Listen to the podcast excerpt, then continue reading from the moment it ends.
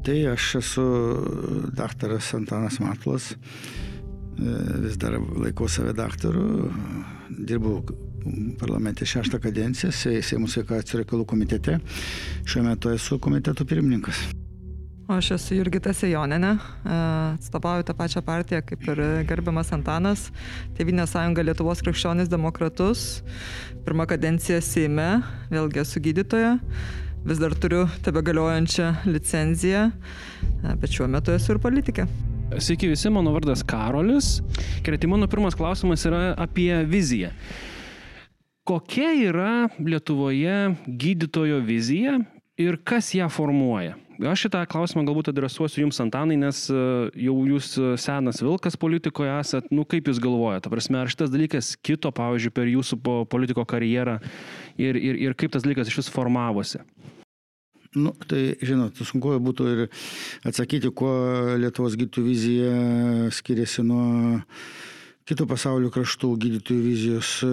Aš manau, kad tiek vizija, tiek misija yra, yra panaši. Galbūt tik tai per mano kadenciją šešias šešios kadencijas galbūt kito tik tai darbo pobūdis, stilius, principai, metodika, galimybės kito, bet, bet tiek misija, tiek vizija, manau, kad nesiskiria. Tiesiog matomai, kad yra gydytojų, gydytojų priedermė rūpintis, rūpintis visuomenės sveikata, rūpintis gyventojų sveikata, rūpintis kiekvieno žmogaus, kiekvieno šeimos sveikata, būti, būti, pavyzdžių savo, savo aplinkoje. Daugiau tiesiog ne, ne, negaliu ir, ir, ir iš, iš kontekstų, reiškia, taip greitai ir pasakyti, bet sakau, inteligentas žmogus, kuris nu, turi būti visapusiškai ne tik formuojant ir gydant žmonės, formuojant sveiką gyvenseną, bet aplamai gyvenimo, gyvenimo prieš akį. Aš taip įsivaizduoju, kad ir, ir, ir visada sakau, kad, pavyzdžiui, bendruomenėse turi sugrįžti, valstybėje turi sugrįžti tie laikai, kada kada burmistras, teisėjas, gydytojas būtų visuomenės priešakyje. Tai taip aš įsivaizduoju gydytojo veiklą, gydytojo gyvenimą. Mhm. Jurgita, ar sutinkat su manimi? Aš įsiterpsiu. Aš tai uh, sutariu su Antonu dėl šitų uh, kaip moralinių tokių aspektų, kad gydytojas tikrai turėtų būti, tie žmonės turėtų būti ne tik savo profesijos atstovai, bet ir moraliniai pavyzdžiai, etiniai pavyzdžiai visuomeniai. Bet jeigu kalbant kaip apie profesionalą, tai aš manau, kad gydytojas yra komandos dalis labai svarbi, bet tikrai ne, ne, ne vienintelė komandos dalis. Ir kad būtų gydytojas, jis aišku turi turėti profesinių kompetencijų, turi tas profesinės kompetencijas įgyti, turi jas nuolat palaikyti, tobulinti. Antra, aš manau, kad bet kokia komanda su vienu nariu, jinai, na, tada nėra komanda. Tai šito man labiausiai norėtųsi, kad pirmiausiai nematytumėm atskirų tų komandos dalių ir nekalbėtumėm apie atskiras komandos dalis, bet kad matytumėm visumą. Ir e, tikrai sveikatos priežiūra tas yra ypatingai svarbu. Bet sakau, e, pirmiausia, tai yra tikrai moralinis pavyzdys turėtų būti, antra turėtų būti kompetitingas žmogus, trečia turėtų jaustis komandos dalimi ir mokėti dirbti komandoje. Mhm. O kas vat, grojo to pirmojų smūkų? Ar tai yra universitetai, kurie perima galbūt kažkokias e, kitų šalių praktikas? Ar tai yra pati gydytojų bendruomenė, medikų bendruomenė, kuris suformuoja, kad nu, mes norim žygiuoti tokia kryptimi? Ar tai yra kokie nors uh, įtakingi žmonės mūsų visuomenėje, pavieniai, kurie pasako, kad kas čia iš tikrųjų tikrųjų yra teisinga, kas neteisinga. Nu kaip Jūs galvojat? Aš tai manau, kad dabar tai tas politika yra labiau, daugiausiai formuojama universitetų iš tiesų. Aišku, universitetai yra autonomiški. Aš manau, kad e, pakankamai stiprus ir pakankamai kokybiški mūsų universitetai yra. Bet e, jo, dėl tos autonomijos tai yra pakankamai sudėtinga ir, ir politikams nurodinėti, kaip universitetai turėtų ruošti ir kokią jie ten tą viziją turėti. Antra vertus, na vis tiek demokratiniai valstybė tas bendradarbiavimas vyksta. Tai man atrodo, kad na, gal ne taip tiesiogiai, bet vis tiek judam tą, tą bendrą linkmę. Antanai, kaip Jūs galvojat, vat, palėtė Jurgita tokį dalyką kaip universitetų autonomija. Tas autonomija, nu, tokia savoka, kuri yra, aišku, ir teisinga, bet tuo pačiu metu jie labai lengva manipuliuoti. Ir mes, kai kalbam apie bet kokią kokybę, apie bet kokį, pavyzdžiui, su studijomis susijusi procesą, iš karto nori, nenori pasigirsta žodis autonomija. Tai vienas, pavyzdžiui, tokių konkretesnių pavyzdžių yra absoliučiai specialistų pats planavimas. Kas gali pasakyti universitetui, kiek priimti studentų, pavyzdžiui? Ar tai jau yra autonomijos klausimas ar ne autonomijos klausimas? Kas gali pasakyti universitetui, kiek priimti mokyti gydytojų rezidentų? Irgi tai yra autonomija ar ne autonomija. Galbūt, kai mes kalbame apie autonomiją, čia netgi reikėtų atskirti tam tikrus dalykus, kad yra autonomija turiniui, į kurį tikrai nereikėtų galbūt iš šalies niekam kištis ir tai yra irgi procesas, už kurį turėtų prisimti atsakomybę universitetas, bet yra ir kiti ūkiniai reikalai. Kaip Jūs galvojate? Nu, be, be abejonės, kad autonomijos savoka neturėtų apimti, reiškia, rezidentų, rezidentūros vietų, gydytojų rengimo skaičiaus planavimą, dėl to, kad valstybė pirmiausiai turi reguliuoti, kiek, kiek ir teikti užsakymą universitetams, kiek valstybei kokių specialistų reikia. Jeigu tai būtų universiteto e, autonomijos klausimas, tai tada, tada reiškia, tą galėtų daryti ne valstybiniai universitetai, be, be kitas dalykas, tai ir dabar e, universitetai gali ruošti visam pasauliui e, gydytojus rezidentus, gydytojus e, už tam tikrą nustatytą įkainį ar, ar, ar, ar jų pačių pasitvirtintą įkainį. E, bet, bet tikrai autonomija kartais yra suprantama apie universiteto autonomiją per daug plačiai, na kad ir tas pats rezidentų darbo sąlygos. Aš nemanau, kad tai yra vien tik universiteto autonomijos klausimas, nes e, ką mes pastebim, ką aš pastebėjau, kad, kad na, yra daugybė problemų, ar gydytės rezidentas, ar gydytojų rezidentų užtikrinamos tinkamos darbo sąlygos, ar, ar jisai e, tinkamai, e, reiškia, gauna, gauna tą laiku informaciją, medžiagą, ar, ar, ar yra kokybiškas mokymas, ar nėra mobbingų ir panašiai. Tai čia be abejonės, kad e, valstybė ir, ir tas pats sveikatos reikalų komitetas parlamentų vykdydamas parlamentinę kontrolę e, kišosi ir gal net per mažai kišosi ir kišėmės. Ir mūsų rudens sesijoje yra numatytas klausimas dėl rezidentų darbo sąlygų e, kvalifika, kokybės, reiškia ir panašiai. Na, aš galiu pasakyti tokį naivų, primityvų pavyzdį. Aš prieš gal keturis metus e, išsipirkau kursus vasaros metu, kadangi irgi norėjau turėti licenciją. Tai įdomus dalykas buvo vienoj, vienoj klinikoje atlikau, reiškia, kaip tik ciklas buvo echoskopijos, gynekologinis echoskopijos ir, ir šalia manęs e, buvo, buvo reiškia, jauna, jauna, kaip įsiaiškinau, po to gydytoja rezidentė, kuri sako, žinot, aš dvi savaitės esu šitoj rezidentūroje, bet tas dvi savaitės stoviu gydytojų už nugaros, man dar nekartų nedavė atsisėsti, e, tik tai teoriškai parodo, paaiškina, nes visada labai skuba. Tai, na, aš kaip e, parlamento narys ne, negalėjau neįsikišti, ne, ne taip konkrečiu tuo atveju, bet aplamai kelti e, kokybės rezidentūros kokybės klausimą. Tai manau, kad autonomija yra šiandien universiteto autonomija suprantama per nelik plačiai ir vėlgi kartu kartojusi valstybės užsakymų klausimų ir kitais e, ta autonomija turėtų turėti tam tikras ribas ir, ir tam tikrą kontrolę. Tai aš iš esmės tai pritariu e, gerbiamam Antanui. Man atrodo, kad valstybė tikrai turi visų pirma mokėti, paskaičiuoti, kokių specialistų jai reikės ateityje. Dabar tas procesas netrodė labai kokybiškas.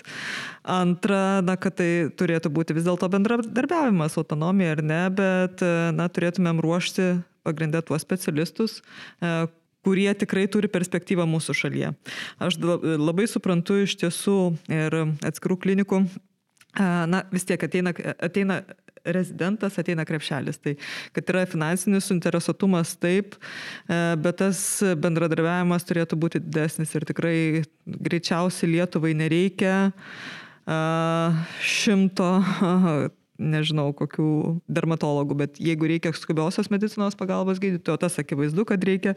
Ir, pavyzdžiui, ir tose pačiose vyriausybės projekcijose, bent jau iki šiol, kiek buvo, na, nesimato, kad e, planuotų tą vyriausybę. Aišku, tai čia dar priklauso, matyt, skaičiavimai vėlgi priklauso nuo kiekvienos vyriausybės programos ir modeliuojami vis tiek ten dešimtmečių į priekį tai programai pritaikyti, bet na, aš manau, kad jie turėtų būti realistiški ir universitetai iš tiesų turėtų suvokti, koks yra tas poreikis, kad jie vis dėlto ruošia ne, rezidentus, gydytojus ne dėl to, kad jiems ateina krepšelis, bet kad iš tiesų yra toksai, tokia politika šalies ir toks poreikis realus. Ir kad tie žmonės baigę studijas, jie turės darbą. Jūs palėtėt labai tokią skaudžią natą apie tai, jog iš esmės trūksta praktinių įgūdžių toj pačioj rezidentūroje. Ir e, mes netgi turim e, šiais metais išėjusios e, valstybės kontrolės išvadas ir atliktą rezidentų apklausą pirmą kartą Lietuvos istorijoje, kurioje pasirodė, kad kas antras rezidentas sako, kad jiem neužtenka, dabar su praktinių įgūdžių. Ir tuose atviruose klausimuose yra bandoma pasamprotauti, kas tenais yra negerai ir kodėl taip vyksta. Tai faktiškai sutampa ir nebe pirmus metus, tai tiek, tiek ir Limsa, tiek ir JG yra dariusi apklausas ir mes matom, kad dabar tiesiog kitas tas e, tų atsakymų šaltinis, bet mes visi kalbam apie tą patį iš esmės. Neoficialiai už uždarų durų pripažįsta net ir universitetai, kad e, tų studentų yra per daug, net medicinos studijose. Ir neužtenka auditorijų, neužtenka dėstytojų. Ir, ir, ir, ir mes turim tokią situaciją dabar kiekvienais metais, kai vis iškyla skandalas, kai techniškai universitetas priima kiek nori medicinos studentų, bet e, mes nubraukiam brūkšnį ties rezidentūros vietomis ir tada lieka medicinos studentai, kai kurie už borto ir tada nu, atkyla skandalas, nes e, neva buvo kažkiek kažkieno sukelti lūkesčiai. Kaip Jūs galvojat, nu, kaip tas turėtų tada planavimas atrodyti? Ar mes tada turėtumėm tos brūkšnius braukti ties rezidentūrą, kad pasako, mums reikia gydytojų čia nais, bet nesakome, kiek mums reikia medicinos studentų, ar vis dėlto mes turėtumėm planuoti jau stojantiems į medicinos studijas studentams? Kaip aš, kaip aš suprantu, kad iš tiesų taip ir yra planuojama planuojama. E, tik tai tiek, kad na, visą laiką gaunasi taip, kad dėl atidėtų studijų, dėl to, kad e, vienais metais baigęs studentas nestoja iš karto rezidentūrą, e, pasigalvoja stoti po metų dviejų, visada gaunasi taip, kad e, na, rezidentūros vietų yra mažiau negu, negu stojančiųjų. Antra yra žmonių, kurie po pirmų rezidentūros metų vėlgi persigalvoja ir nori rinktis kitą specialybę. E, tai tas yra, bet e, kad planavimas turėtų būti ir kad tikrai turėtų būti žmonėms stojantiems į pirmą kursą e, medicinos studijų, E, pasakyti, kad taip, jūs mokote šešis metus ir po to jūs turėsite, na, didžiausią tikimybę, kad e, būsite, pavyzdžiui, šeimos gydytojai, būsite skubiosios medicinos gydytojai, e, kad tie žmonės jau save projektuotų ir tam ruoštųsi. Dėl pačios praktikos, aš manau, kad studijų metu tai yra studijos, tai yra teorinės žinios, o rezidentūros metu būtent turėtų žmogus palaipsniui įgyti praktinės kompetencijas, turėtų galimybę tas praktinės kompetencijas taikyti praktikoje praktikoje, ką mes kalbam apie pakopinės kompetencijas, e, turėtų galimybę jas tobulinti ir, na, jau baigęs rezidentūrą turėtų būti pilnavertis gydytojas, kuris galėtų visiškai savarankiškai dirbti, na, bet, bet, bet kurioje vietoje iš tiesų. Mes kalbam, kad dabar, pavyzdžiui, pakopinės kompetencijas matyti vis dėlto būtų lengviausia įgyti ir įgyvendinti ir, ir tos, tos praktinius įgūdžius įgyti galbūt periferijoje, ar ne, kur yra, kur yra ir trūkumas gydytojų. Ir, ir, ir, ir... Dabar aš dar truputėlį atreaguosiu į anksčiau tas išsakytas mintis apie, pavyzdžiui, medicinos studijas. Tai vis dėlto po medicinos studijų žmonės jau gauna gydytojo licencijas ir jie eina dirbti primimo skyrius arba greitasis medicinos pagalbas, kas iš tikrųjų, jeigu ir pasiliktų tik tais teoriniam lygmenį, nu, tai yra tam tikra prasme pacientų žudimas. Ir, ir apskritai pasaulis juda link to, jog tos pačios pakopinės kompetencijos jau turi iki diplominės studijas, medicinos studijas, kad žmonės vis daugiau tos praktikos įgautų. Dabar kitas toks pastebėjimas, gal patikslinimas ir klausytojams, dabar kalbėti, pavyzdžiui, apie tą patį rezidentų judumą, kiek tų rezidentų yra ne Vilniuje arba Kaune. Tai rezidentų ne Vilniuje arba Kaune per pastaruosius tris metus faktiškai buvo, nu, iš LSMU apie 3 procentus su virš, o iš e, Vilniaus universiteto tik tais apie 1 procentą rezidentų. Tai mes kalbame apie labai mažus skaičius e, gydytojų rezidentų, kurie mokosi ir dirba ne Vilniaus ir Kauno miestuose. Aš šiek tiek papildyti noriu irgi, kolegė reiškia, kad e, be abejo dėl praktinių įgūdžių sunku juos įgyti, kada gydytojai rezidentai yra koncentruoti dviejose universitetinėse ligoninėse kiek e, mes turim duomenų, to e, informacijos ir, ir tiesiog netaip seniai domėjomės, tai maždaug po tūkstantį gydytojų rezidentų yra abiejose bazėse ir, ir, ir prie gerų norų techniškai gydytojas negali tiek suteikti laiko ir galimybės įgyti tuos praktinius įgūdžius dėl, dėl, to, dėl tos koncentracijos didžiulės, nes tų pacientų pacientų yra daug ir tai be abejonės mes viską padarysim, kad e, gydytojai rezidentai turėtų galimybę kai kuriuos e, ciklus atlikti įvairiuose, įvairiuose lygiuose, pradedant nuo ambulatorijos, e, poliklinikos, baigiant įvairaus lygio ligoninėse, kuriuose be abejonės būtų kaip ir papildomos, reiškia, E, papildomos, reiškia, ne tik darbo rankos, bet ir papildomos, reiškia, žinios, jaunus, šviežius žinius, su kuriamis galėtų kolegos regionuose bendrauti, kalbėti, bet ir, ir įgūdžiai, nes iš ties matėt, kas darosi regione. Regionoje ne, yra, yra, yra, reiškia, gydytojų amžiaus vidurkis, na, kai kuriuose įstaigose viršė jau ir 60 metų. Tai tikrai mes viską padarysim, mes matom, kad dabar yra universiteto, universitetų kai kurių e, dėstytojų e, pasipriešinimas, nors apie tai ir komitete esam kalbėję, ir ministerijoje nekartą, ir šitoj kadencijai, ir praeitoj, kad e, reikia, reikia rezidentūros bazės tuos kai kurios ciklus atlikti, sudaryti galimybę atlikti kitur. Teoriškai taip yra jau daroma, bet praktiškai praktikos vadovai gauna pakankamai nemažus pinigus kaip praktikos vadovai, rezidentų vadovai ir jie nelabai sutinka. Tai tikrai mes dėsim visas pastangas kad e, rezidentas turėtų galimybę įgyti ne tik teorinės, bet praktinės žinias. Kitas dalykas, artimiausių metų, nežinau, gal gydytėm rezidentam busimiem, busimiems esam, esamus tų nepalies, ruošiam įstatymo projektus. Kitą savaitę susitinkam su švietimu ir sveikatos ministerijos e, viceministrais ir atsakingais e, skyriaus vadovais, kur derinsim įstatymo projektą, kuriuo бандисим. Nustatyti tam tikrą tvarką, kada gydytės rezidentas galės pasirinkti, reiškia, ar gauti valstybės e, finansuojamą rezidentūros vietą e, toms specialybėms, kurių labiausiai reikia valstybei, ne kažkokiem tai, reiškia, kraštams ar privatiems verslams.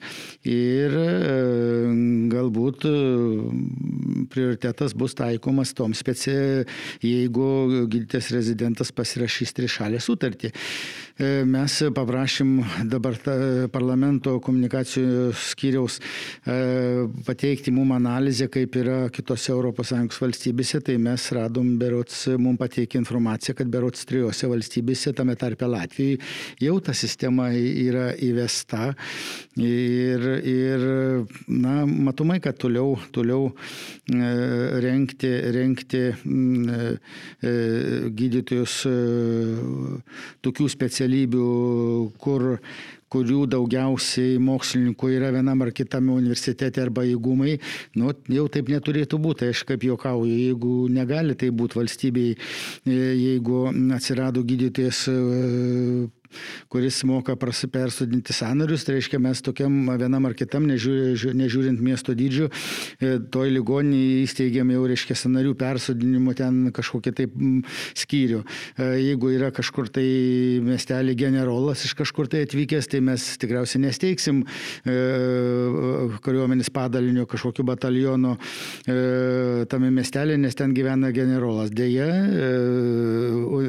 kol kas universitetai elgėsi taip, kad jeigu yra, yra kažkoks tai mokslininkų potencialas, tai jie ruošia, ruoždavo daugiau tų specialybių, kurie, kurie, kurių jiems patogiau. Tai jau šiais metais valstybė buvo sumažinus tam tikrų rezidentūrų vietų, bet premjerės Ingridis Šimonytis iniciatyva mūsų prašymų, komiteto prašymų buvo atstatytos tos vietos, bet mes aiškiai pasakėm, vyriausybė aiškiai pasakė, mes finansuosim būtent tą specialybės, prioritetinės specialybės, kurių trūksta valstybėje, ne kurių reikia e, kitiems kraštams. Tai... Mhm. tai ar aš gerai suprantu, kad jeigu vis dėlto išlieka kažkoks noras e, mokintis e, specialybės, kurio kurios, tarkim, nereikia tiek e, valstybei, tai tas žmogus turės galimybę pasirašyti trišalę sutartį su kažkokiu konkrečiu, e, su kažkokia konkrečia savivaldybė ligoninė ir tada gauti finansavimą per kitus kanalus, ar kaip čia? Taip, bus? tik tų specialybių, kurių reikia, pavyzdžiui, na, kas yra trišalė sutartis, pavyzdžiui, jūs sudarot sutartį, ta rezidentas, universitetas ir kažkuri tai įstaiga. Tai ta įstaiga, jeigu ta įstaiga reikia neurologo, na, tai aišku, jinai finansuos neurologijos rezidentūrą ir tas rezidentas na vis tiek kažkiek turės uh, įsipareigoti kažkurį tą laiką už tą investiciją savo, savo įgytomis žiniomis ir, ir gebėjimais dalinti su tą įstaigą ir, ir teikti paslaugas tenais. Tai man atrodo, kad tai yra visiškai demokratiškas būdas. Iš esmės aš suprantu jaunų žmonių norą, kad jie turi, gali turėti įvairiausių įsivaizdavimų, kuo jie galėtų tapti ir, ir niekas iš tiesų to nevaržo, bet na, valstybės poreikis yra toks ir toks. Konkrečioms įstaigoms reikia konkrečių specialistų. Na ir kaip žmonės ima paskolą iš banko, jeigu jie nori turėti kažkokį tai dalyką, tai ir šiuo atveju, jeigu jie nori turėti konkretų išsilavinimą, konkrečios ryties patirtį ir būti naudingi savo šaliai ar kažkuriai tai kon kon konkretaus rajono gyventojams, na, tai irgi būtų ne, galima įsipareigoti. Aišku, visada gali student, rezidentas rinktis studijuoti už savo pinigus arba stoti nemokamą rezidentūrą, jeigu Jeigu gali ten įstoti, jeigu tam yra pasirengęs, toj srity jau kažkokius tai darbus nuveikęs, labai perspektyvus ir, ir, ir aišku, yra ir tų nemokamų rezidentūrų galimybė. Taip, pala, tai... Pilnai valstybės finansuojamų, tuomet, kai, kai, kai nereikia įsipareigoti su tą, sakau, trišalę sutartimi. Okay, nu, tai tada mes turim kiek, kiekvienais metais kol kas čia turėjom tradiciškai 365 valstybės finansuojamas vietas rezidentūros, tai konkursas jas vyksta kaip ir po senoviai Bet jeigu yra virš poreikis, tai žmogus gali susitarti su konkrečia savivaldybė ir gauti finansavimą iš jos savo rezidentūrai. Taip, su, su įsipareigojimu, kad paskui kažkurį tai laiką. Tai man, Mes kalbam apie tai, kad, kad pirmiausia valstybė turės nustatyti ir nustatys, ir dabar jau sakau, padidinus rezidentūros vietas, valstybė pasakė, mes didinam rezidentūrų vietų skaičių iki praeitų, už praeitų metų, bet mes finansuosim tik tai tas specialybės, kurių valstybei trūksta.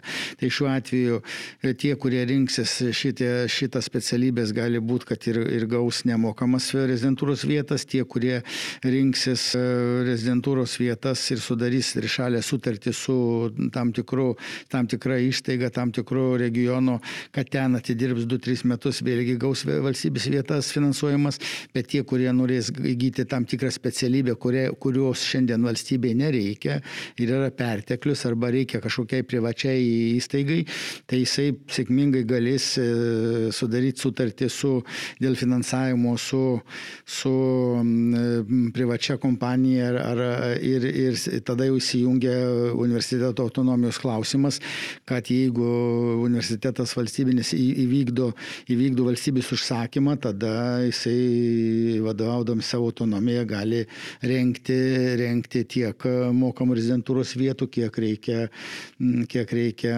ir Lietuvoje dirbančioms privačioms kompanijoms, įstaigoms, arba kiek reikia pagaliau ir pasauliu. Čia taip pajukausiu, bet dėja šiandien nemažą dalį gydytojų mes rengiam be jokio, be jokio tam tikro įsipareigojimo, o, o kaip sakiau, kaimynai Latvijai jau tą daro ir, ir atrodo, kad problemos lyg ir sprendžiasi.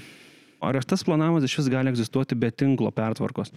Ir kitas mano tada klausimas yra, jeigu mes vis dėlto leidžiam savivaldybėms pačioms organizuotis, ieškoti tų rezidentų, finansuoti tas trišalės turtis raštis ir panašiai, kiek tada tas būna, kiek tada bus neiškreiptas pas tas tikrasis planavimas valstybės, jeigu mes turim tiek, kiek reikia, finansuojam to, ko reikia, bet šalia atsiranda visokiausių kitų kelių, kaip gauti per aplinkui visokias apmokamas rezidentūras ir panašiai. Tai ne, ne tie, kurie susiras papildomą finansavimą ir e, mokinsis specialybę, e, kurios valstybė galbūt e, tais metais neužsakė, tai tai jie mokės, mokės patys arba už juos kažkas mokės ir jie neturės įsipareigojimo valstybėje ten atidirbti du ar tris metus, bet tie, kurie pasirašys tą trišalę sutartį ir, ir, ir, ir mokinsis specialybėje, kurios valstybėje šiandien reikia, tai jie, jie nekonkuruos su tuo, kuris čia, kaip sakiau, jeigu universitetas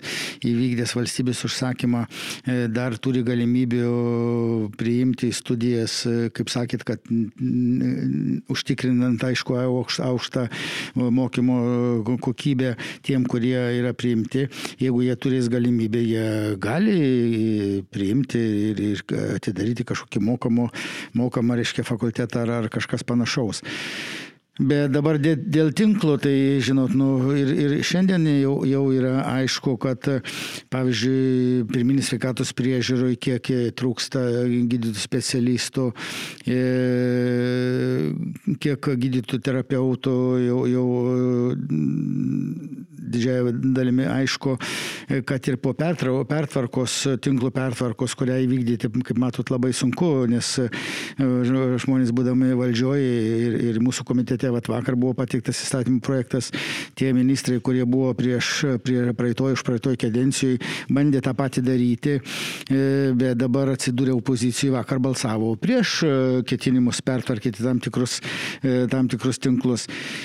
Tai e, tinklų pertvarka, jinai, aš įsivaizduoju, turės ir vyksta, ir, ir vyks e, gal šioj kadencijų sparčiau tikimis negu anksčiau, bet e, jinai netrukdo, didžiai dalimi netrukdo planuoti, planuoti tų kelių, keletų specialybių gydytojų, kurių Lietuvai visada reikia, reikėjo ir reikės. Aš tai, tai galiu pritarti Antanui, kad iš tiesų, na, kad tinklo pertvarkos reikia, kad apie ją šnekama dešimtmečiais, bet kai reikia daryti, tas yra labai sudėtinga. Už tai, kad koks be, kokia gera bebūtų vizija, planas, na, visada žmonės bijo pokyčių ir matyti dėl to pradeda priešintis. Kad aišku, kad poreikis geriausiai planuojamas tada, kai tu turi tą konkrečią viziją. Tai, bet, na, tas iš esmės yra aišku, kad ambulatorinė medicina ir pirmiausia, pirminė sveikatos priežiūra ir skubi pagalba, kad aišku, yra prioritetai visada ir, ir, ir be jų negali apskritai egzistuoti.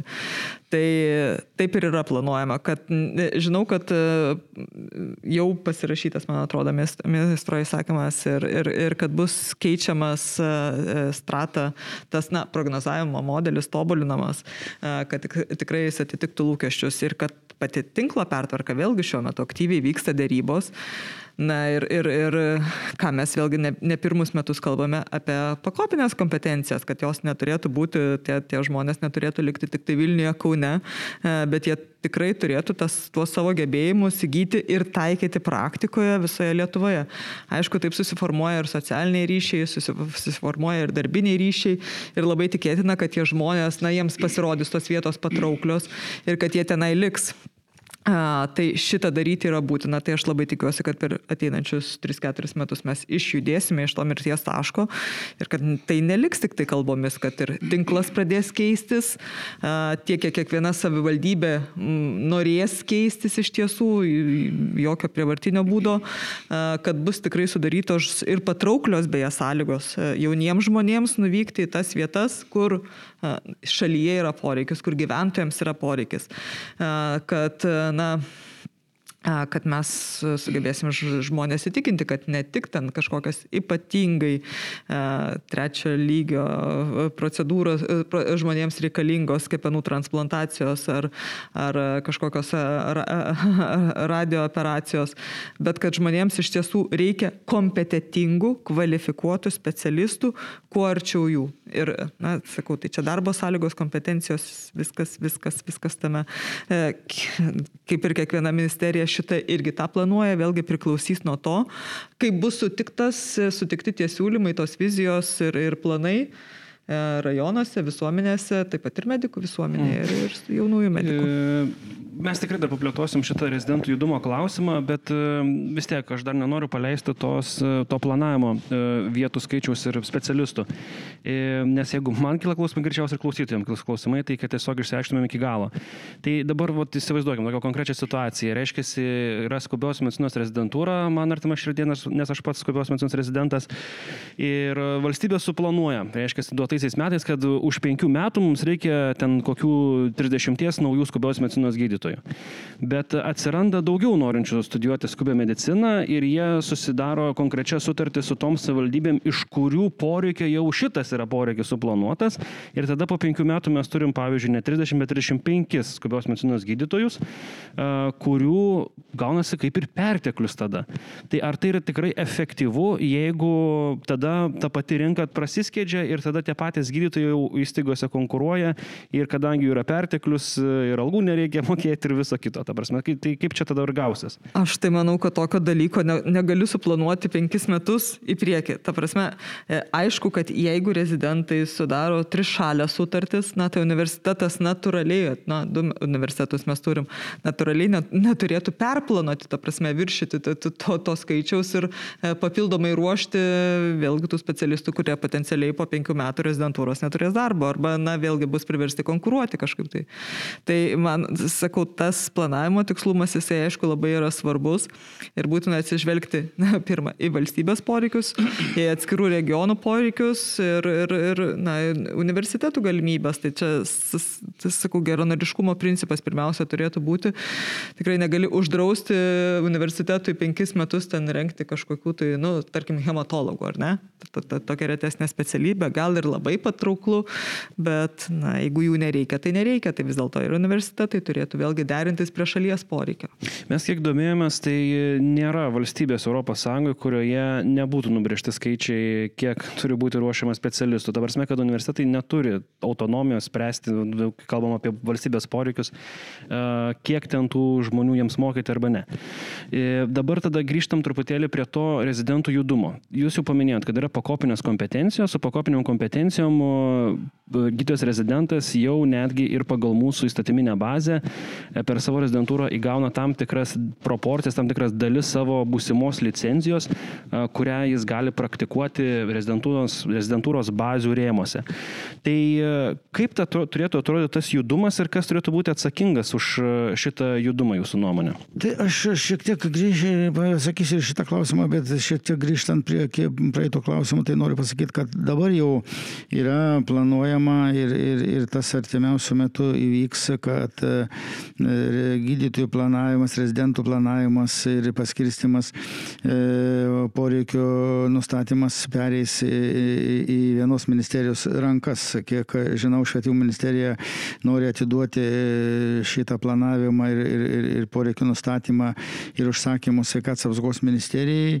Ir manau, kad tikrai bus tikslus, tikslesnis tas planavimas, bet kaip jūs minėjot, kad jeigu ten atsiras keletą ar keliolika gydytojų, e, kurių bus paruošta daugiau negu buvo nustatytas planas, aš manau, kad ten 10-15 procentų paklaida nieko nereiškia, tiesiog gyvenimas mm, sudiktuoja taip, kad, kad e, tikrai taip tiksliai negali, negali suplanuoti. Dabar dėl to mm, judumo reiškia tai, kad gydės rezidentui turi būti sudarytos įstatymiškos sąlygos, e, jeigu to nepavyks padaryti ministro įsakymais ir, ir, ir, ir įtikinti universitetus Galbūt netgi įstatymę turėsime nu, nu, numatyti tam tikras, reiškia, sąlygas aplinkybės, kad gydytis rezidentas turėtų, turėtų praeiti rezidentūros tam tikrus ciklus įvairių, įvairaus lygių įstaigose. Ir tokiu būdu manyčiau, kad gydytis rezidentas, nes nemažai gydytojų, jaunųjų gydytojų, gydytojų rezidentų net neįsivaizduoja, kokios sąlygos yra sudarytos e, regionuose ir labai kartais bijo arba yra gazdinami tų pačių, tų pačių galbūt dėstytojų ir, ir gražus pavyzdys yra Joniškio ligoninės pavaduotas dabar einantis direktoriaus laikinai pareigas, taip Gedminas, e, ar e, Gedminas atrodo Martinas. Jisai prieš kokius 4-5 metus atstovavo jaunosius gydytojus ir darydavo pranešimus komitete labai aktyviai kalbėdavo sakydavo, jūs neleiskit mums, reiškia, vykti į regionus, mes ten degraduosim, ten blogos sąlygus ir panašiai ir panašiai.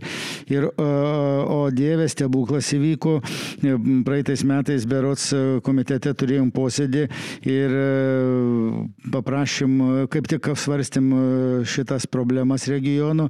Ir Joniški ligonis pavaduotas, buvęs prieš kelis metus jaunasis gydytojas, kalbėjo visiškai priešingai, sakė tą, ką aš pamačiau Joniški ligonė, galimybės, sąlygas, įrangą, techniką, e, tai yra stebuklas ir šiandien jisai iš Šiaulių ligoninės jau kuris laikas e, perėjo dirbti į Joniškį ir dabar tapo vadovu ir meras nu, nepaprastai džiaugiasi, sakė, atėjo, atėjo žmogus su naujom idėjom, naujom iniciatyvom ir, ir kai kuriuos sprendimus dabar ten paslaugus, kai kurios teikiamus netgi, sakyčiau, prieštaraujant kai kuriuoms ligo, ligonių kasų ir ministerijų sprendimams, bet mes ir bandom ir aš kalbėjau su, su, su ligonių kasų vadais, tai kolegus, o gal tikrai pasižiūrėkim, o gal taip ir reikia, gal tuos e, tam tikras korteles, karteles reikia, reikia leisti ir pasižiūrėti, kaip šitas jaunas žmogus, reiškia, pasiūlė teikti tam tikras paslaugas, nesakau, kalbant su meru, tai jisai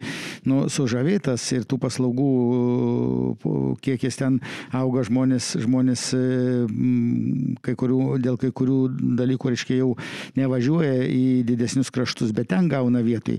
Tai vad jums gražus pavyzdys, kad, kad jeigu mums pavyks sudaryti tokias sąlygas, kad gydytis rezidentas ten, aš nesakau, kad po metus ten, pavyzdžiui, kodėl jis negali e, gydytis e, ten terapijos ar, ar, ar chirurgijos, kodėl jis negali porą mėnesių pradirbti, pradirbti kažkokio tai regionų greitoji pagalba arba, arba ambulatorijai, arba mažesniai ligoniniai, kodėl gydytės, e, va, aš nekėjau su, su mm, gydytoju, reiškia, rezidento antrų kursų berods anesteziologiją studijuoja, e, draugo, draugo reiškia, e, sunus, nu, kada žmogus sako, aš antram kursė dar nesu intubavęs, reiškia, nu tai atrodo šiek tiek keistai, tai jau čia yra mūsų garbės reikalas su Jurgita, su sveikatos reikalų komitetu prispausti ir, ir, ir ministeriją, ir universitetus, kad vis dėlto, vis dėlto, mes matome netgi ir bendraujant su jaunimu ir iš jūsų paklausimų matom, kad jūs to norit. Nes, nu, techniškai, žinot, jeigu dabar reikėtų parlamente, e, kur sudarytų sąlygus kokybiškai dirbti 141 parlamento nariui, jeigu į tas patalpas e, dabar kažkas pasakytų įkeliam 350, tai ar mums būtų galimybės e, normaliai dirbti ir, ir gilintis ir, ir teikti projektus. Ne, nebūtų.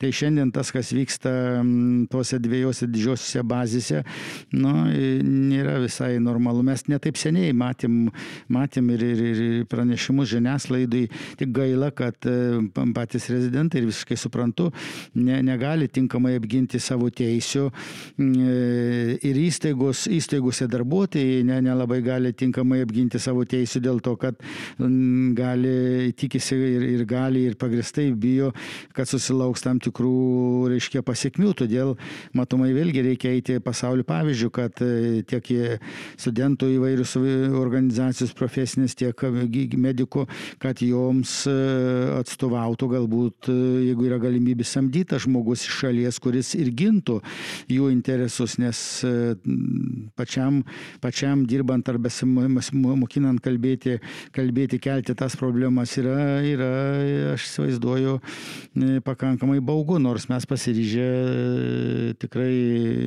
apginti visus, visus specialistus, jaunosius gydytojus, jeigu jie prabils apie tai ir kels tas problemas, komitetas tikrai girdėsim, svarstysim ir išspręsim tas problemas. Mhm. Aš tik tai dabar norėčiau turbūt atreaguoti, kad e, šiaip jaunų gydytojų asociacija niekada nebuvo prieš tą judumą, čia daugiau gal buvo susijęs su tuo privalomu judumu, kai e, tiesiog mes esame kažkur išsiuntinėjami. Tai tas vyksta ir dabar. Pavyzdžiui, aš savo rezidentūros programoje turiu privalomą ciklą kitoje ligoninėje, bet kadangi mūsų yra tokia keistas tas statusas, ar darbuotojas, ar mokinys, tai aš esu priverstas Kauno klinikose imti neapmokamas atostogas, tokia yra praktika, ir keliauti mėnesių vienam ciklui į kitą ligoninę. Tai e, nuo to, aišku, čia nukenčia ir visokios socialinės garantijos, e, kadangi neapmokamos atostogos mano savanoriškos mažina mano realių atostogų, ten visokius skaičius ir panašiai. Aš žinau, kad su šita problema labai skaudžiai susiduria šeimos gydytojai, kurie nuolatos rotuoja per visas skirtingas sveikatos priežiūros įstaigas. O dabar apie tą patį judumą, tai e, vėlgi yra labai geras pavyzdys mūsų pašonėje, tie patys estai, kurie yra šitą dalyką išsprendę. Jie pasidarė ten tą savo tinklo, tinklo reformas. Yra du regionai - Talino ir Tartu. Ir iš esmės ten gydytojai rezidentai, va, pavyzdžiui, konkretus pavyzdys tas neurologas, Tartu universitetiniai ligoniai turi praleisti tik tais šešis mėnesius iš keturių metų savo rezidentūros. Ir visas, visas, visas kitas laikas yra jo pasirinkimas. Ir kaip mes internatūrą siunčiam visus iš esmės studentus faktiškai po visą Lietuvą, išreitinguojam ten pagal jų studijų rezultatus. Tai panašiai vyksta ir rezidentų judumas. Jeigu geriau mokinės arba esi vyresnis rezidentas, tada uh, pasirinkimo tavo pirmenybė yra ir irgi tada yra kažkokios kvotos nusistatytos pačiuose skyriuose pagal galimybės, kad nesusigrūstų rezidentai, kiek ten gali jie kokybiškai priimti jų. Bet karaliai yra, yra ir kitokių pavyzdžių. Yra ta pati Didžioji Britanija, kur rezidentas, na, stoja kaip, kaip į darbą, turi, turi pokalbius, turi vos nestamosios egzaminus ir kiekviena įstaiga pagal savo galimybės, pagal savo poreikius ir, ir, ir, ir formuoja, aišku, tuos užsakymus tuo, tuo atveju. Jo, vienareiškiškai, bet tada mes turim žinoti ir tą situaciją, turim irgi apie tai garsiai kalbėti, kad Lietuva ir Latvija yra paskutinės ES valstybės, kuriuose gydytojas rezidentas turi dvigubą statusą - darbuotojo ir studento. Ir... Čia įdomu, kaip patiems rezidentams. Aš manau, e, iš, savo, iš savo patirties, aš manau, kad aš esu ir buvau, ir, ir kad rezidentai yra labiau darbuotojai negu studentai, nes, na, jie studentai buvo, kol, kol mokėsi šešis metus, kaip ir minėjau, kol įgyjo profesinės kompetencijos žinias, bet kai jau ateina praktinių kompetencijų laikas, na, tai tu jau dirbi, nori ar nenori, e, supervizija vienokia kitokia turėtų būti, bet iš esmės tai yra, yra darbas ir tai turėtų būti mokama kaip už darbą. Jo, jo, ta prasme, mes visi esam e, gydytojai licenzijuoti, tik tais tuo pat metu dar kelis metus keliame savo kvalifikaciją iki kažkokio gydytojo specialisto. E, žinoma, čia nais turbūt žaibiškai tokių revoliucijų mes nepadarysim, nes kaip mes kalbam, nėra dar ir pakankamai tos sistemos pasiruošusios tam, e, nes e, nelabai aišku, kokia kokybė apskritai rezidentūros bazės. Mes kai kalbam apie kažkokią kokybę ar ne, tai čia faktai, pavyzdžiui, tos pačios švietimo ir mokslo ministerijos, ar ne, kaip sakėt, jog yra noras atiduoti daugiau atsakomybės sveikatos apsaugos ministerijai, bet tai matosi ir iš jų darbų. Ta prasme, iki šiol nėra vertinę išoriškai nei vienos rezidentūros programos, nėra net tvarkos pasitvirtinę, tarsi nebuvo, kaip tas rezidentūros programas vertinti, taip pat ir pačių rezidentūros bazių. Tai e, dabar kaip Jūs galvojat, e, jeigu tas judumas vis dėlto atsirastų e, kažkoks ar ne Lietuvoje, kas turėtų prižiūrėti tas rezidentūros bazės, kad ten būtų nu, kokybiškos tos paslaugos ir nebūtų taip, kad nuvažiavus gydytojų rezidentui būt, nebūtų pasakoma, čia kaip vakar Aurelius Veryga mums sakė, e, dabar viską tu užmiršk ten, kad tave mokė Vilniuje arba Kaune, dabar darysim taip. Čia aišku, šiaip tų kompetencijų, kvalifikacijos kelimas tai turėtų būti nenutrūkstamas procesas ir, na, gali būti, negaliu pa, pa, prie, prieštarauti taip buvusiam sveikatos apsaugos ministrui, kad ten gal kažkur tai ir yra savos metodikos, na, bet, bet kuriuo atveju tada vadinasi valstybė nepakankamai dėmesio skiria jau tų, na, pabaigusių e, mokslus gydytojų kvalifikacijai ir kompetencijoms. Tai, tai šitas turėtų būti nuolatinis procesas. Antra, ką mes kalbam, kodėl reikia iš tiesų tos tinklo pertvarkos. Tai jeigu žmogus neturi pakankamai e, pacientų, neturi pakankamai procedūrų, tai tų savo įgūdžių negali nei išlaikyti, nei jo labiau kelti. Tai manau, kad tai yra paraleliai vykstantis procesai ir a, vėlgi e, rezidentūrų pertvarka, pakopinės kompetencijos ir lygiai taip pat visų a, kitų jau baigusių medikų ir, ir kvalifikacijos kelimas ir edukacija. Aš tada tokį gal trumpą konkretų klausimą užduosiu, tiesiog sakykite taip, ar, nu, tarsi, už kurį galbūt labiau variantą jūs būtumėt. Aš dedu ant savo du variantus. Vienas variantas yra va, tie privalomi ciklai, kaip aš sakiau, kad aš tiesiog imu neapmokamas atostogas ir mane kažkur paskirimu paskiria mano universitetas. Arba kitas variantas, kaip yra internatūros organizuojamos, kaip, yra, kaip estai daro, kad e, vis dėlto duodame teisę rinktis e, įstaigoms pagal poreikį. Jo, rinktis pačiam rezidentui, kuriais įstaiga labiau norėtų, Na. o pačios įstaigos irgi įsitraukia tą procesą ir tada pradeda galbūt netgi konkuruoti dėl to gydytojų rezidento. Aš tai antrą variantą rinkčiausi. Nu, greičiausiai, greičiausiai, e, grįžtant prie to prieš tai užduotų klausimų, tai Manyčiau, kad, kad e, yra nustatyti ir turi būti nustatyti aiškios bazės e, reikalavimai įvairiems e, ciklams. Ir jeigu jie atitinka, tai rezidentui turi būti sudaryta galimybė rinktis, rinktis to, to, to ciklo, tos, reiškia, rezidentūros vietą iš tų pasiūlytų, galbūt tikrai nereikia ten e, prie, prie vartą nukreipti, nukreipti vieną į, į kitą. Na, o tą kontrolę be abejonės turi atlikti vedantis universitetas, jeigu jam pas, paskirta. Ir e, reikia galvoti apie tai, kad tiek švietimo, tiek sveikatos ministerija turėtų, turėtų galbūt net ir akreditavimo tarnyba galėtų kažkaip tai nuosekliai patikrinti, e, ar, ar tos bazės atitinka nustatytus reikalavimus ir ne tik bazės, bet ir, ir tos sąlygos gydytėm rezidentam, ar atitinka rezidentūros reikalavimus. Aš čia skirčiau ypatingą dėmesį. E, aš suprantu ir žinau tą situaciją, kad didelė, didelis ligoninės kartais ir dažnai išnaudoja gydytus rezidentus e, tyrimais ir, ir, ir, ir tų krūvių yra dideli, dideli krūviai, bet e, darbo sąlygos yra, yra kai kuriuose vietose e, tragiškos. Tai, tai e, dar norėčiau paliesti vieną problemą, kad apie kurią, kaip supratau, kalbėjo ir, ir, ir Veriga kad e, labai dažnai mes iki tol girdėdavom e, iš e, mokslininkų, iš universiteto dėstytojų, profesūros, kad žinot, jeigu tu atvyksi, atvyksi gydytis ar į tą pačią, reiškia, rezidentūrą į kažkokį tai regionų, į gydymo įstaigą, tai čia jau kokybė bus žymiai blogesnė, o jeigu tu jau vyksi tos pasla, pačios paslaugų, kad ten, kad ten dirba nekvalifikuoti specialistai ir panašiai, tai aš manau, Ir aš nekartą esu sakęs, kad norėčiau, kad daugiau negirdėčiau tokių pasisakymų, nes jeigu taip iš tikrųjų yra, kad regione dirbantis žmogus yra mažiau kvalifikuotas negu, negu didesniai ligonė arba universitete, tai yra, yra universiteto darbo brokas, dėstytojų darbo brokas. Mesgi licenciją gaunam visi vienodi, kvalifikacijos reikalavimus yra vienodas, tai kaip taip gali atsitikti, kad gydytojas gynekologas yra blogesnės kvalifikacijos negu dirba mažesnėm regione dirbantis, yra mažesnės kvalifikacijos negu, negu didelė mieste arba gydytas terapeutas. Taip negali būti. Jeigu yra gydytas anesteziologas, kuris, kuris, anesteziologas, kuris ne, nemoka intubuoti, jis neturi būti gydytojas, nesvarbu, kur jisai dirbs. Jeigu yra gynekologas, o tokių yra e, ir kai kurias dabar regionuose, kur gimdymų yra labai mažai, žinau, kad yra po kelis gydytojus pacientus atvažiuojančius, kurie iš esmės jau nemoka operuoti arba net ir neoperauti, jie neturi turėti licenzijos. Bet negali būti taip, reiškia, kad gali būti tik specializacija skirtis.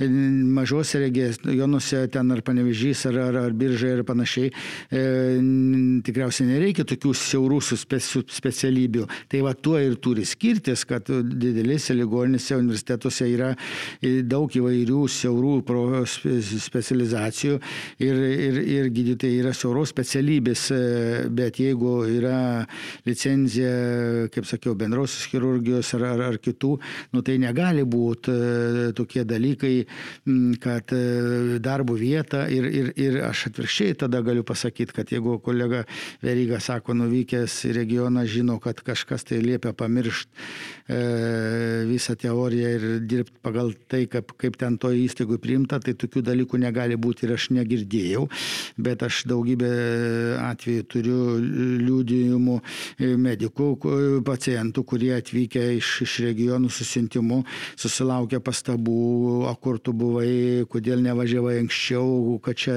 tave nežiūrėjo ar apleido ar užleido.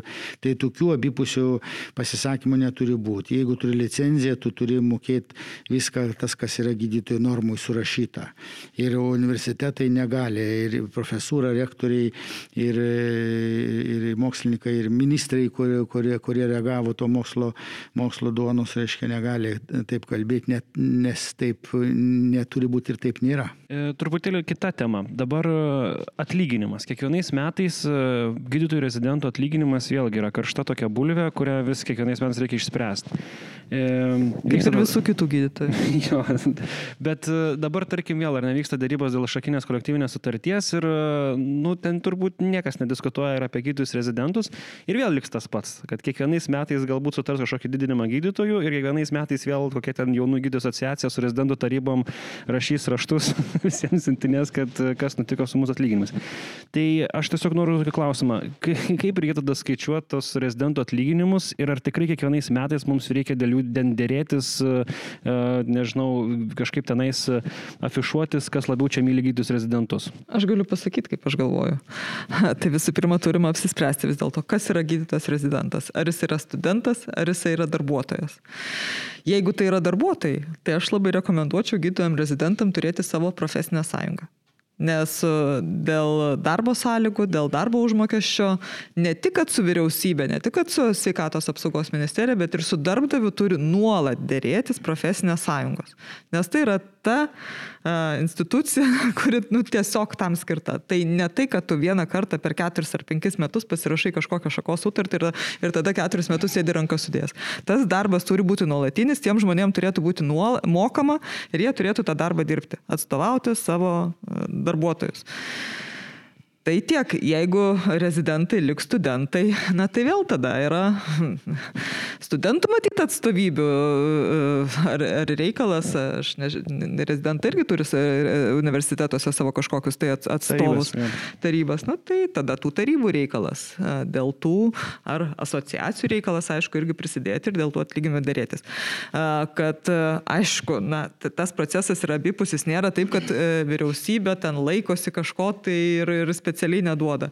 Bet kad tų dėrybų reikia nuolat ir taip vyksta visame pasaulyje. Taip vyksta ir labiausiai įsivyščiusiose šalise, kad darbuotojų grupės yra atstovaujamos ir dėl tų sąlygų yra nuolat derinamasi. Tik noriu pasakyti, kad mhm. šiandien kaip tik kalbėjom komitete, kad kelių savaičių bėgėje mes išklausysim informaciją, kaip vyksta dėrybos dėl kolektyvinės sutarties E, neduos meluoti kolegė mano šalia sėdinti Jurgita.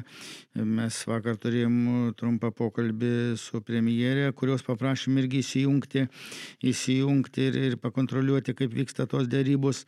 Dėl to, kad e, kai kurie reikalavimai, kai kurių profesinių sąjungų, na, jos, jie prasilenkia su aplamai, su realybė, su valstybės e, finansinėmis galimybėmis. Tai, tai tą turime vertinti ir be abejo pritariu irgi tai, kad labai būtų gerai, kad tarp tų septynių profesinių sąjungų būtų atsiradęs ir gydytojų rezidentų profesinė sąjunga ir tose dėrybose jūs irgi keltumėt savo reikalavimus. Bet aš pažadu e, kartu su kolegė, kad kaip darysim komiteto posėdį ir nagrinėsim klausimą dėl kolektyvinės darbo sutarties, tikrai pakviesim ir jūsų atstovus ir kalbėsim, spręsim šitos, šitos, šitos klausimus, bet tiesiog norisi, norisi paprašyti, kad, kad ir, ir, ir, ir tie patys, reiškia, dėrybininkai, profesinių sąjungų atstovai, na, kartais nusileistų ant žemės ir reikalaudami, reiškia, reikalaudami tam tikrų, reiškia, darbo atlyginimų, nes dabar yra kalbama taip, kai kurių profesinių sąjungų, kad duokit mums europinius atlyginimus, mes nebėgsim į kitas šalis. Nu tai gal tada duokim visiems specialybėm, visų specialybių speci... darbuotojams tokius pačius atlyginimus, jie niekur nebėgs. Tai čia. Bet tada ties... ir mokesčius tokius reikia mokėti jo. ir mokesčių neslėpti. Jo, jo, čia tas. Ta prasme, jeigu elgesi jo, visi garbingai, tai visi garbingai. Tai valstybė šiandien principas. negali tai padaryti, kad vienos ir ties. Mes bandym kažkada padaryti teisėjams. E, teisėjams, reiškia, manydami, kad e, tai teisėjams pakelsim ženkliai atlyginimus ir, ir, ir, nebus korupcijos šitoje sistemoje, bet mes skaudžiai suklydom. Atlyginimus pakėlėm prieš kelias kadencijas, bet tos korupcijos E, kaip buvo, kaip, e, taip ir tikriausiai dar kažkiek tai yra likę. Tai, bet jūs be abejo, kad bandykite įsiteisinti savo organizacijas, nes jūs e, aktyvų žmonės turite organizacijų, bet kaip profesinės sąjungos ir tada galėsite dalyvauti kolektyvinį sutartį arba Arba, sakau, mes visais atvejais pasiryžę, pasiryžę padėti, padėti spręsti tas problemas, kaip kažkada tą ir sprendėm. Aš pamenu prieš keletą kadencijų, aš dalyvavau, vadovavau darbų grupiai, kada, kada tiesiog buvo tada finansinės galimybės ir e, įsiklausė vyriausybė į darbo grupės pasiūlymą ir prie sveikatos ministerijos atsirado fondas, iš kurio mes finansavom.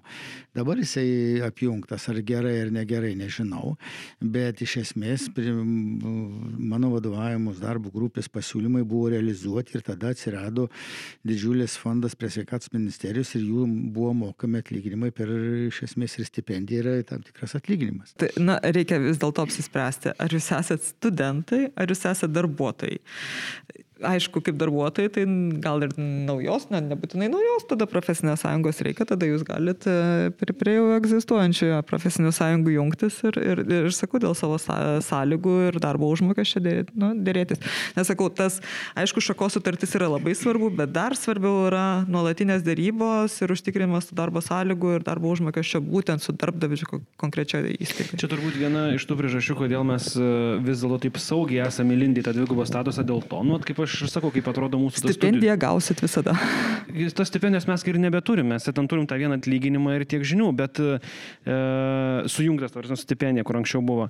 Bet e, dabar va, tas kaip yra, kaip aš sakiau, kad e, aš esu visiška nu, nusavybė universiteto. Man universitetas liepia ten dirbti, kur, kuris nusprendė, kad aš dirbsiu.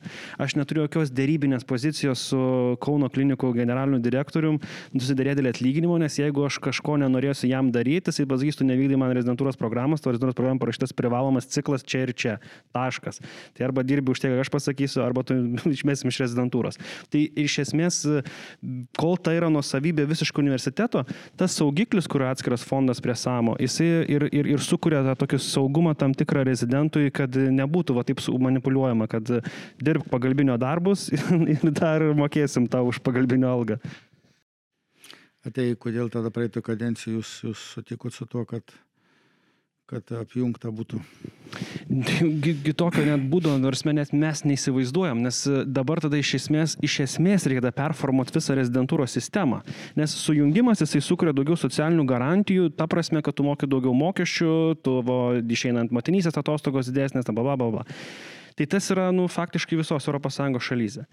Bet kad mes visiškai atsiskirtumėm nuo universitetų, tai čia jau mes nebepadarysim, čia reikia didelės reformos. Ta prasme, kad, e, vat, kaip turbūt kalbam apie kitas vakarų valstybės, kur yra gydytojų rūmai ir kur tam tikras monitoravimas pačių rezidentų vyksta ne tik per universitetus, bet ir per draugijas ir gydytojų rūmus, tai mes šito Lietuvoje neturim alternatyvos. Tai dėl to universitetai perėmė labai daug šitų funkcijų ir po savo glėbį, po savo sparnus sugrėbė visus rezidentus. Kaip matom ir toj statistikoje, ta prasme, ne Vilniuje ir ne Kaune, tik tais po porą procentų tarsi rezidentų vidutiniškai. Tas yra sunkiai suvokiama, bet man, nu, sakau, man atrodo, kad pirmas žingsnis, jeigu mes išjudėsim ir, ir kuris bus tikrai labai teisingas, tai būtent tas, na, pakopinės tos kompetencijos ir būtent kuo daugiau rezidentūros bazių. Ir kad turėtum galimybę atskiros rezidentūros bazėse tas savo pakopinės kompetencijas ir gytas e, patirtis taikyti praktikoje. Tai vad, jeigu atsirastų kažkokia darybinė pozicija, kad e, aš galiu netlikinėti Kauno klinikose to ir to ciklo, man siūlo alternatyvą ten už didesnį atlyginimą Šiauliai, Panevežys ar Klaipėda, Tai va tada atsiranda kažkokia darbuotojo statusas. Jo, tie patys zarasai. Nu, Bet kol man klinikos sako, ta prasme, pirštų deda ir sako, tu čia arba, ne, arba iš vis nebetlieki, tai va tada ir gaunasi, sakau, nu jokios nėra dėrybinės tiesiog pozicijos. Gerai, žiūrėkit, išgirdau mes jūs, ačiū, kad jūs prisidedat, smarkiai prisidedat įveikiant pandemiją. Aš gal pažadu, kad prašysim komiteto galbūt sudaryti darbo grupę po naujų metų. Manyčiau, kad gal aprims tą situaciją, jūs formuluokit savo siūlymus, mes užsakysim tada, yra parlamente tam tikras skyrius, kuris atlieka analizę ir mums pateikia įvairius variantus, kaip yra kitose pasaulio valstybėse jūs pagalvokit savo, savo vizijas, kaip jūs įsivaizduojat, reiškia, ir galbūt po naujų metų kažkur mes galim sudaryti komitete, kaip ir sakiau prieš kelias kadencijas, darbo grupę arba rašyti ministerijos vienos ar kitos sudaryti darbo grupę ir iš esmės E, jeigu nepavyks e, vat, išspręsti tų problemų, apie kurias mes šiandien šnekame, darbo sąlygos ir judumas, ir, ir rengimas, ir kiti dalykai, tai galim tada pabandyti sistemiškai, sistemiškai, tarp kitkų šiandien irgi sudarėm darbo grupę komitete, į kurį įėjo įvairių universitetų, ministerijų atstovai dėl farmakotechnikų darbo, darbo rengimo ir, ir, ir darbo sąlygų, visą kitą, tai tikrai mes galim čia labai daug daug prisidėti, bet tada sutarėm, kad, kad padarysim mm, posėdį dar, išklausysim jūsų, jūsų argumentus, o, o ta darbo grupė matomai galėtų atsirasti, atsirasti arba pavedimas sudaryti darbo grupę ir tas problemas e, sistemiškai išdiskutuoti mm, viena ir kitai ministerijai. Tai mes kaip ir duodam tokį pažadą, gerai? Liuks. Liuks, ačiū Jums. Dar turim e, mūsų narių tokį klausimų šiek tiek e, ir, ir, ir tokį padarysim gal blitz e, turnyrą. Ta prasme, aš pamėginsiu suformuoti klausimus, tik taip arba ne, kad Jūs atsakytumėt ir tada judėsim link pabaigos. Tai Kamilė klausė, ar apie Klaipėdos universitetinės ligoninės performavimą į trečio lygio universitetinį centrą ir jos steigimą. Ar, ar reikia, žodžiu, dar trečios, trečio lygio ligoninės Lietuvai Klaipėdoje? Aš manau, kad reikia, daug vyriausybių apie tai išnekėjo, jūs žiūrėkite, de facto, de facto taip ir yra, yra E, dvi, trys ligoninės, kurios teikia ir trečio lygio paslaugas. Viena ligoninė priklauso savivaldybei, kita ligoninė priklauso ministerijai. Patys jau mūsų išvažiuojam posėdžių metu patys e, įstaigų vadovai pripažino, kad 11 funkcijų dubliuojama. Reiškia, pavyzdžiui, tokia kardiologija yra e, trijose ligoninėse išmėtyta resursai, įranga, potencialas mokslinis ir praktinis ir taip toliau, taip toliau. Tai dabar E, kodėl tos ligoninės e, negali, negali reiškia, tapti stambia e, ligoninė, kodėl jų steigėjas negali būti ministerija kartu su Klaipėdus universitetu, aš nelabai suprantu. Yra siūloma, kad galbūt tos ligoninės, to, to centro steigėjas galėtų būti Klaipėdus universitetas, ministerija ir koks nors Kauno universitetas arba Vilnius. Klausykit, nu, Mes, tarp kitko, irgi užsakym studiją, artimiausių metų mes ją gausim, kaip yra kitose pasaulio valstybėse, bet ten yra ruošiami e, slaugos specialistai, yra poreikis kitom specialybėm. E, visuomenės sveikatos. Visuomenės sveikatos. Tai inžinerinės įvairios sveikatos. Jo, tai dabar ar, ar, ar, ar čia valstybė mūsų kažką tai, e, reiškia, padarys blogo, jeigu de facto įteisinsim, kad steigiai steigėjas būtų ne Klaipėdus savivaldybė ligoninės, kuri teikia dabar trečio lygių paslaugos, bet universitetas. Tai dabar mokslinis, techninis ir visoks potencialas yra didesnis kur Klaipėdus savivaldybėje ar universitete. E, e, žinau, kodėl, kodėl vakar tas e, pirmas balsavimas praėjo pakankamai sunkiai, dėl to, kad kai kurie, kai kurie universiteto ir klinikų vadovai skambinėjo Seimo nariam, man prie manęs gal 15 buvo prieėję, kurie, reiškia, bandė įtikinėti mane, kad, žinot, jiems skambinu ir, ir nereikia to daryti. Tai be abejo, mes turim klausyti vairias nuomonės ir girdėti, bet kada asmenys dirbantis e, valstybinėse įstaigose, kurių steigėjas yra ministerija, e, bando priešintis, vykdyti priešingą politiką, negu, negu bandom įgyventi. Mes turim girdėti juos, bet e, įvesti tokią destrukciją ir aklai ginti savo interesus, siaurus interesus, aš manyčiau, kad yra neteisinga. Tai tikrai mes turim padėti Klaipėdos universitetui projektui sustiprėti, mokslinė bazė e, ir, ir, ir gebėjimai, gabumai be abejo yra daug kartų didesni negu Klaipėdos savivaldybės. Ir e, kaip dabar čia paaiškinti, savivaldybės teigėja gali būti daug metų, kur teikiamus e, trečio lygio paslaugus, kur matom ministerija nesuinteresuota investicijomis, turim dvi šalia vienam kiemė ligoninės, viena gauna investicijų ir gavusi o kita, reiškia, gyvena blokiniuose, reiškia, nerenovuotose pastatuose, šala žmonės ir panašiai ir panašiai. Jūs pažiūrėkit, kaip atrodo priimimų skyriai, jūs pažiūrėkit, kaip atrodo antakalnių jų ligonį, jūs pažiūrėkit, kaip atrodo kai kurios kitos Kauno ligoninės, ar šitaip turėjo būti paskirstumios investicijos. Ir dabar reforma ateina apie 800 milijonų. Mes norim padaryti taip, kad e, to tie pinigai ateitų visai Lietuvai. Visai Lietuvai Tai vat mano toks atsakymas, kad ten gali būti Trečias universitetas centras, kuriame niekada nebus, kol aš būsiu parlamente ir komitetų pirmininkas, ir manau, kad ir, ir ateityje niekada nebus ruošiami gydytojai, nes jų trijų universitetų Lietuvoje nereikia, jau taip yra pakankamai ir stiprus universitetai, bet e, slaugytojus, visuomenės sveikatos specialistai ir, ir, ir, ir, ir medicinos technologai ir kiti e, nišai yra, kur gali Klaipėdos universitetas ruošti. Bet mokslinis potencialas, gebėjimai yra didžiuliai ir mes turim padėti šitam universitetui, šitam kraštui. Ir taip, žiūrėkit, dabar jau e, mums buvo informuota, pateikta ligonių kasų informacija, kad iš šito regiono išvyksta gydytis į didesnės e, centrus Lietuvos 4-6 e, procentai žmonių. Tai reiškia, veikia sistema, bet kaip paaiškinti tada, kodėl viena ligoninė ministerijai valdo, kita ligoninė savivaldybė valdo, tai teikia aukšto lygio paslaugas, bet visiškai skirtingose sąlygose ir, ir, ir panašiai ir panašiai.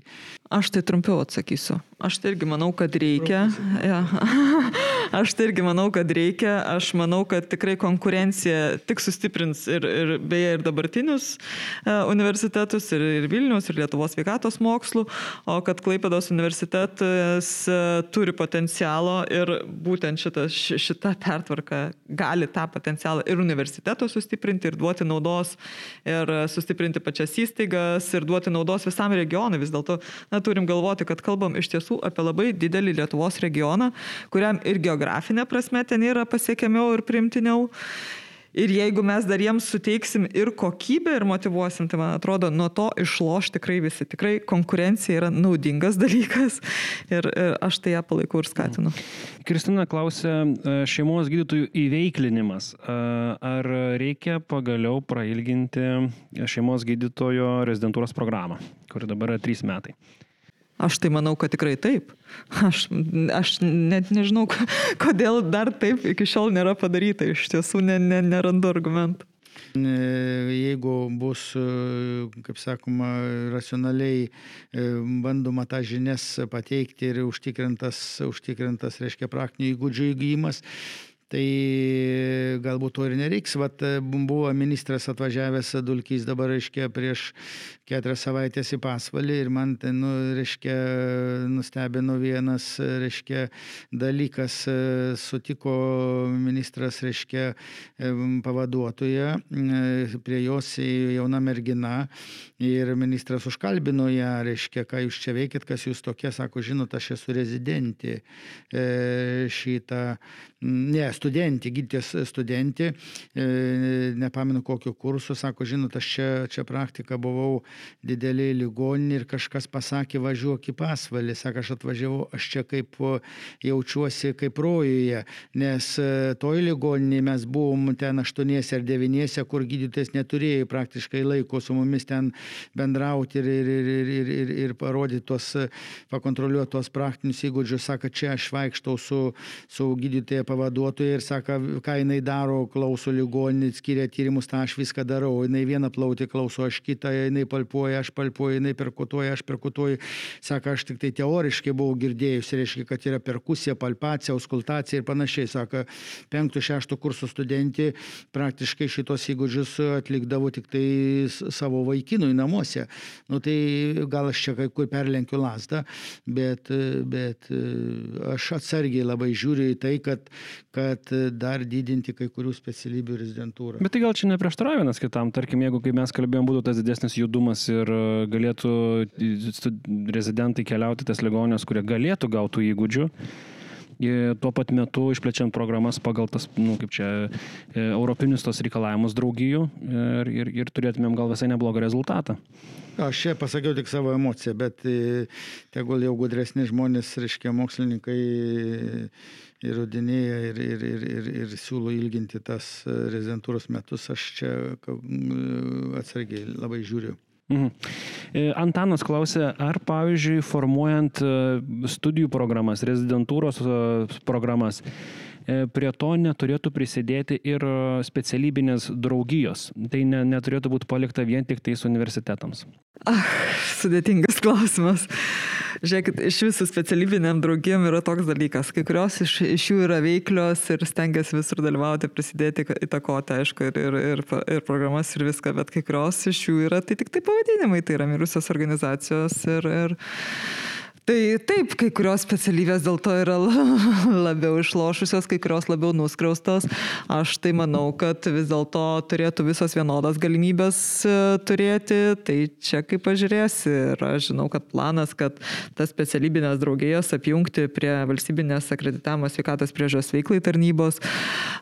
Kitose šalise tas yra sprendžiama per, per, per savivaldą, kuri iš, iš esmės atlieka tų specialybinių draugijų funkciją ir, ir kvalifikacijos kelime ir visame kame tame ir, ir dalyvauja ir politikoje, sveikatos priežos formavimo ir, ir panašiai. Tai, um, žodžiu, keli keliai yra, bet sakau, to, tokia kaip situacija yra dabar, tai man atrodo yra neteisinga kai kurių specialybių atžvilgių, kurios galbūt neturi tų stiprių specialybinių draugijų. Mhm. E, kitas Antano klausimas yra apie tai, į ką vis dėlto e, orientuota turėtų būti mūsų sveikatos apsaugos sistema, bet jūs jau, man atrodo, atsakėte šitą klausimą, kai sakėt, jog vis dėlto į pirminę grandį skubę pagalbą, kas jau šiuo metu tikrai yra aišku, kur, kur mes turim judėti, ar ne? Taip. E, kitas klausimas yra e, apie tinklo pertvarką, Antanas klausė irgi, tai iš kur pinigai tinklo pertvarkai?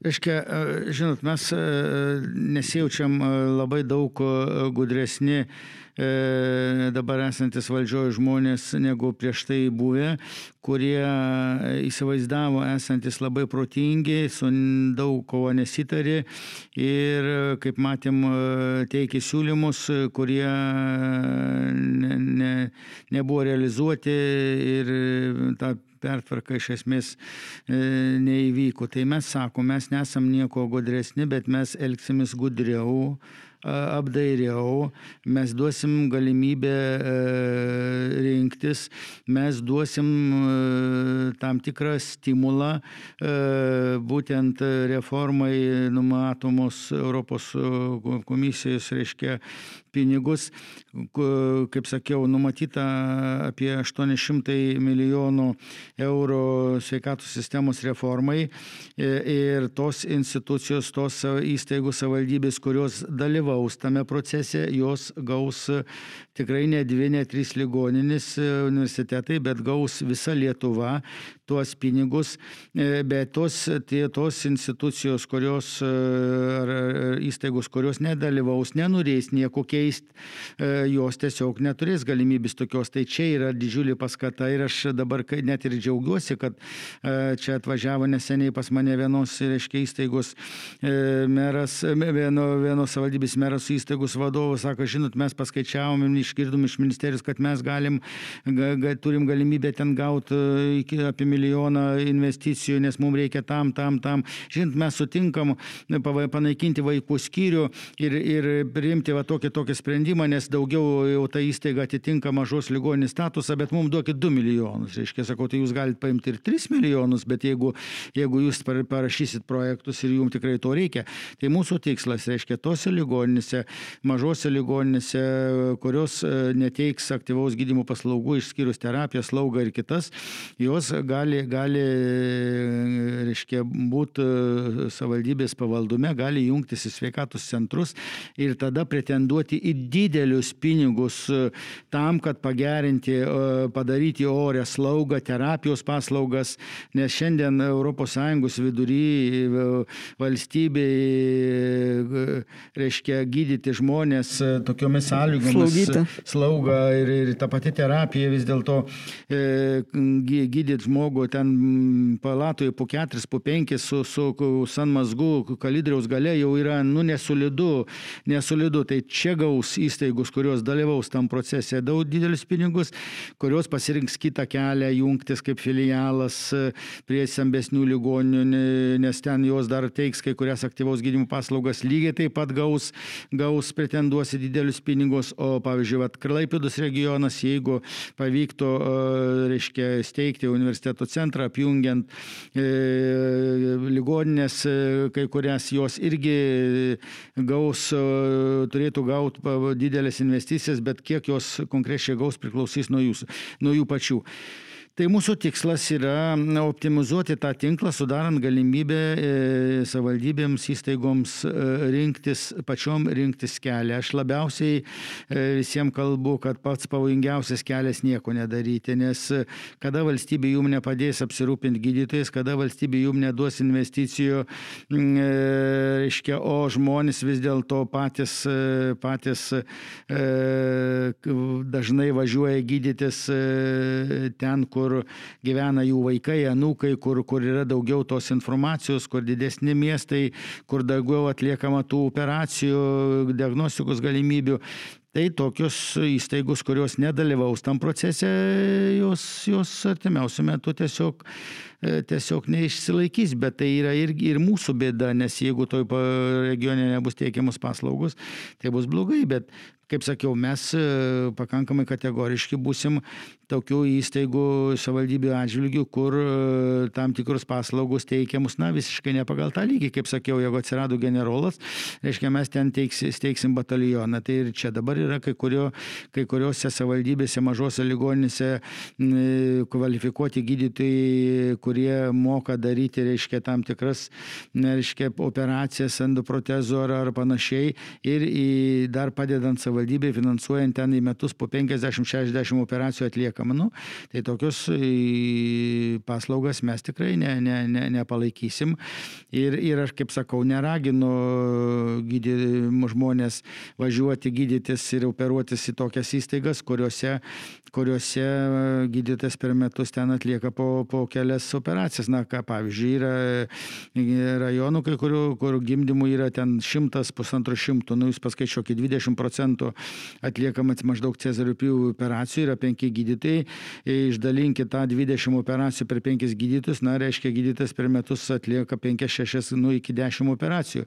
Nu, nevažiuokit pas tokį gydytoją, tikrai jis išoperuos, bet, bet, bet visko gali atsitikti, reiškia, ir operacijos metu, ir po operacijos, ar tai bus padaryta kvalifikuotai, teoriškai žinai, bet ar, ar tų praktinių įgūdžių pakaks, tai aš giliai abejoju. Prieš paskutinis klausimas. Ar ateityje reikės persvarstyti apskritai sveikatos apsaugos finansavimo modelį per PSDF, dėl to, kad sveikatos apsauga tiesiog kiekvienais metais brangsta dėl senėjančios populiacijos ir panašiai? Jo, aš čia galiu pasakyti, kad ir, ir vakar, kalbant su premjerė, ir mes tikrai galvojam apie tai, kad pirmiausia reikia stengtis padidinti e, privalomas kas draudimo fondo biudžetą ne vien tik valstybės sąskaita. Kiek žinom, e, kiek strateguojam ir kalbamis, tai kitais metais e, PSDF biudžetas iš valstybės didės gerokai, gerokai, bet mes neišnaudojam potencialą padidinti šitą biudžetą panaudojant darbdavių lėšas, e, darbuotojai, darbdaviai pasiruošę drausti, drausti papildomų draudimų, jeigu bus tam, tam sudarytų sąlygos. Ne, ne, panaudojam privačių lėšų, labai daug paslaugų gali teikti privačios įstaigos, jeigu mes užtikrinsim jiem, garantuosim finansavimą ir panašiai ir panašiai. Mes kalbam apie tai, kad reikėtų įvesti papildomą sveikatos draudimą, mes kalbam apie tai ir galvojam ir aš asmeniškai tikrai e, e, strateguoju, reiškia, konsultuodamas su, su įvairiais žmonėmis, e, ar nereikėtų, ar neteina laikas galvoti, kad atsirastų ir papildomas e, privatus kažkoks tai fondas, ar ne, ne, nereikėtų galvoti, kaip išgyvendinti, pavyzdžiui, tas priemokas, kurių negali būti privačiuose gydymo įstaigose ir sunku sukontroliuoti, e, kada žmogus ateina, reiškia, gauna suteikiama jam paslauga, gauna valstybės e, ligonių kasa apmoka už tą paslaugą, o privatininkas dar ten sugalvoja visokių, visokių smulkmenų ir vos nedvigubai paima iš pacientų, tai galbūt reikia įvesti kitą draudimo, reiškia, lygį, kada žmogus galėtų papildomai dasimokėti į sveikatos draudimų fondą, o draudimų fondas galėtų sudaryti galbūt sutartis ir tam tikrom paslaugom, o didesnėm negu bazinis tas vadinamas paketas. Tai variantų iš ties yra labai daug. Tik tai tiek, kad šiandien pandemijos metu galbūt e, tą įvesti bus pakankamai sunku, bet be abejonės, kad PSDF biudžetas turi didėti ir ne vien tik valstybės biudžetų sąskaita. Ir paskutinis klausimas, ko palinkėtumėt jaunųjų gydytojų bendruomeniai? O, tai aktyvumo, tik tai tokio pačio ir, ir, ir, ir aktyvumo, ir kompetencijų, ir žinių, ir, ir noro daryti pokyčius valstybėje ir būti teisingiams ir nesustoti. Ačiū visiems klausiusiems. Įrašo aprašymę galite rasti nuorodą į anketą, kurią užpildę prisijungsite prie mūsų asociacijos. Taip pat rasite nuorodas į mūsų kitas socialinės platformas. Būkime kartu, būkime tuo pokyčiu, kurį norime matyti.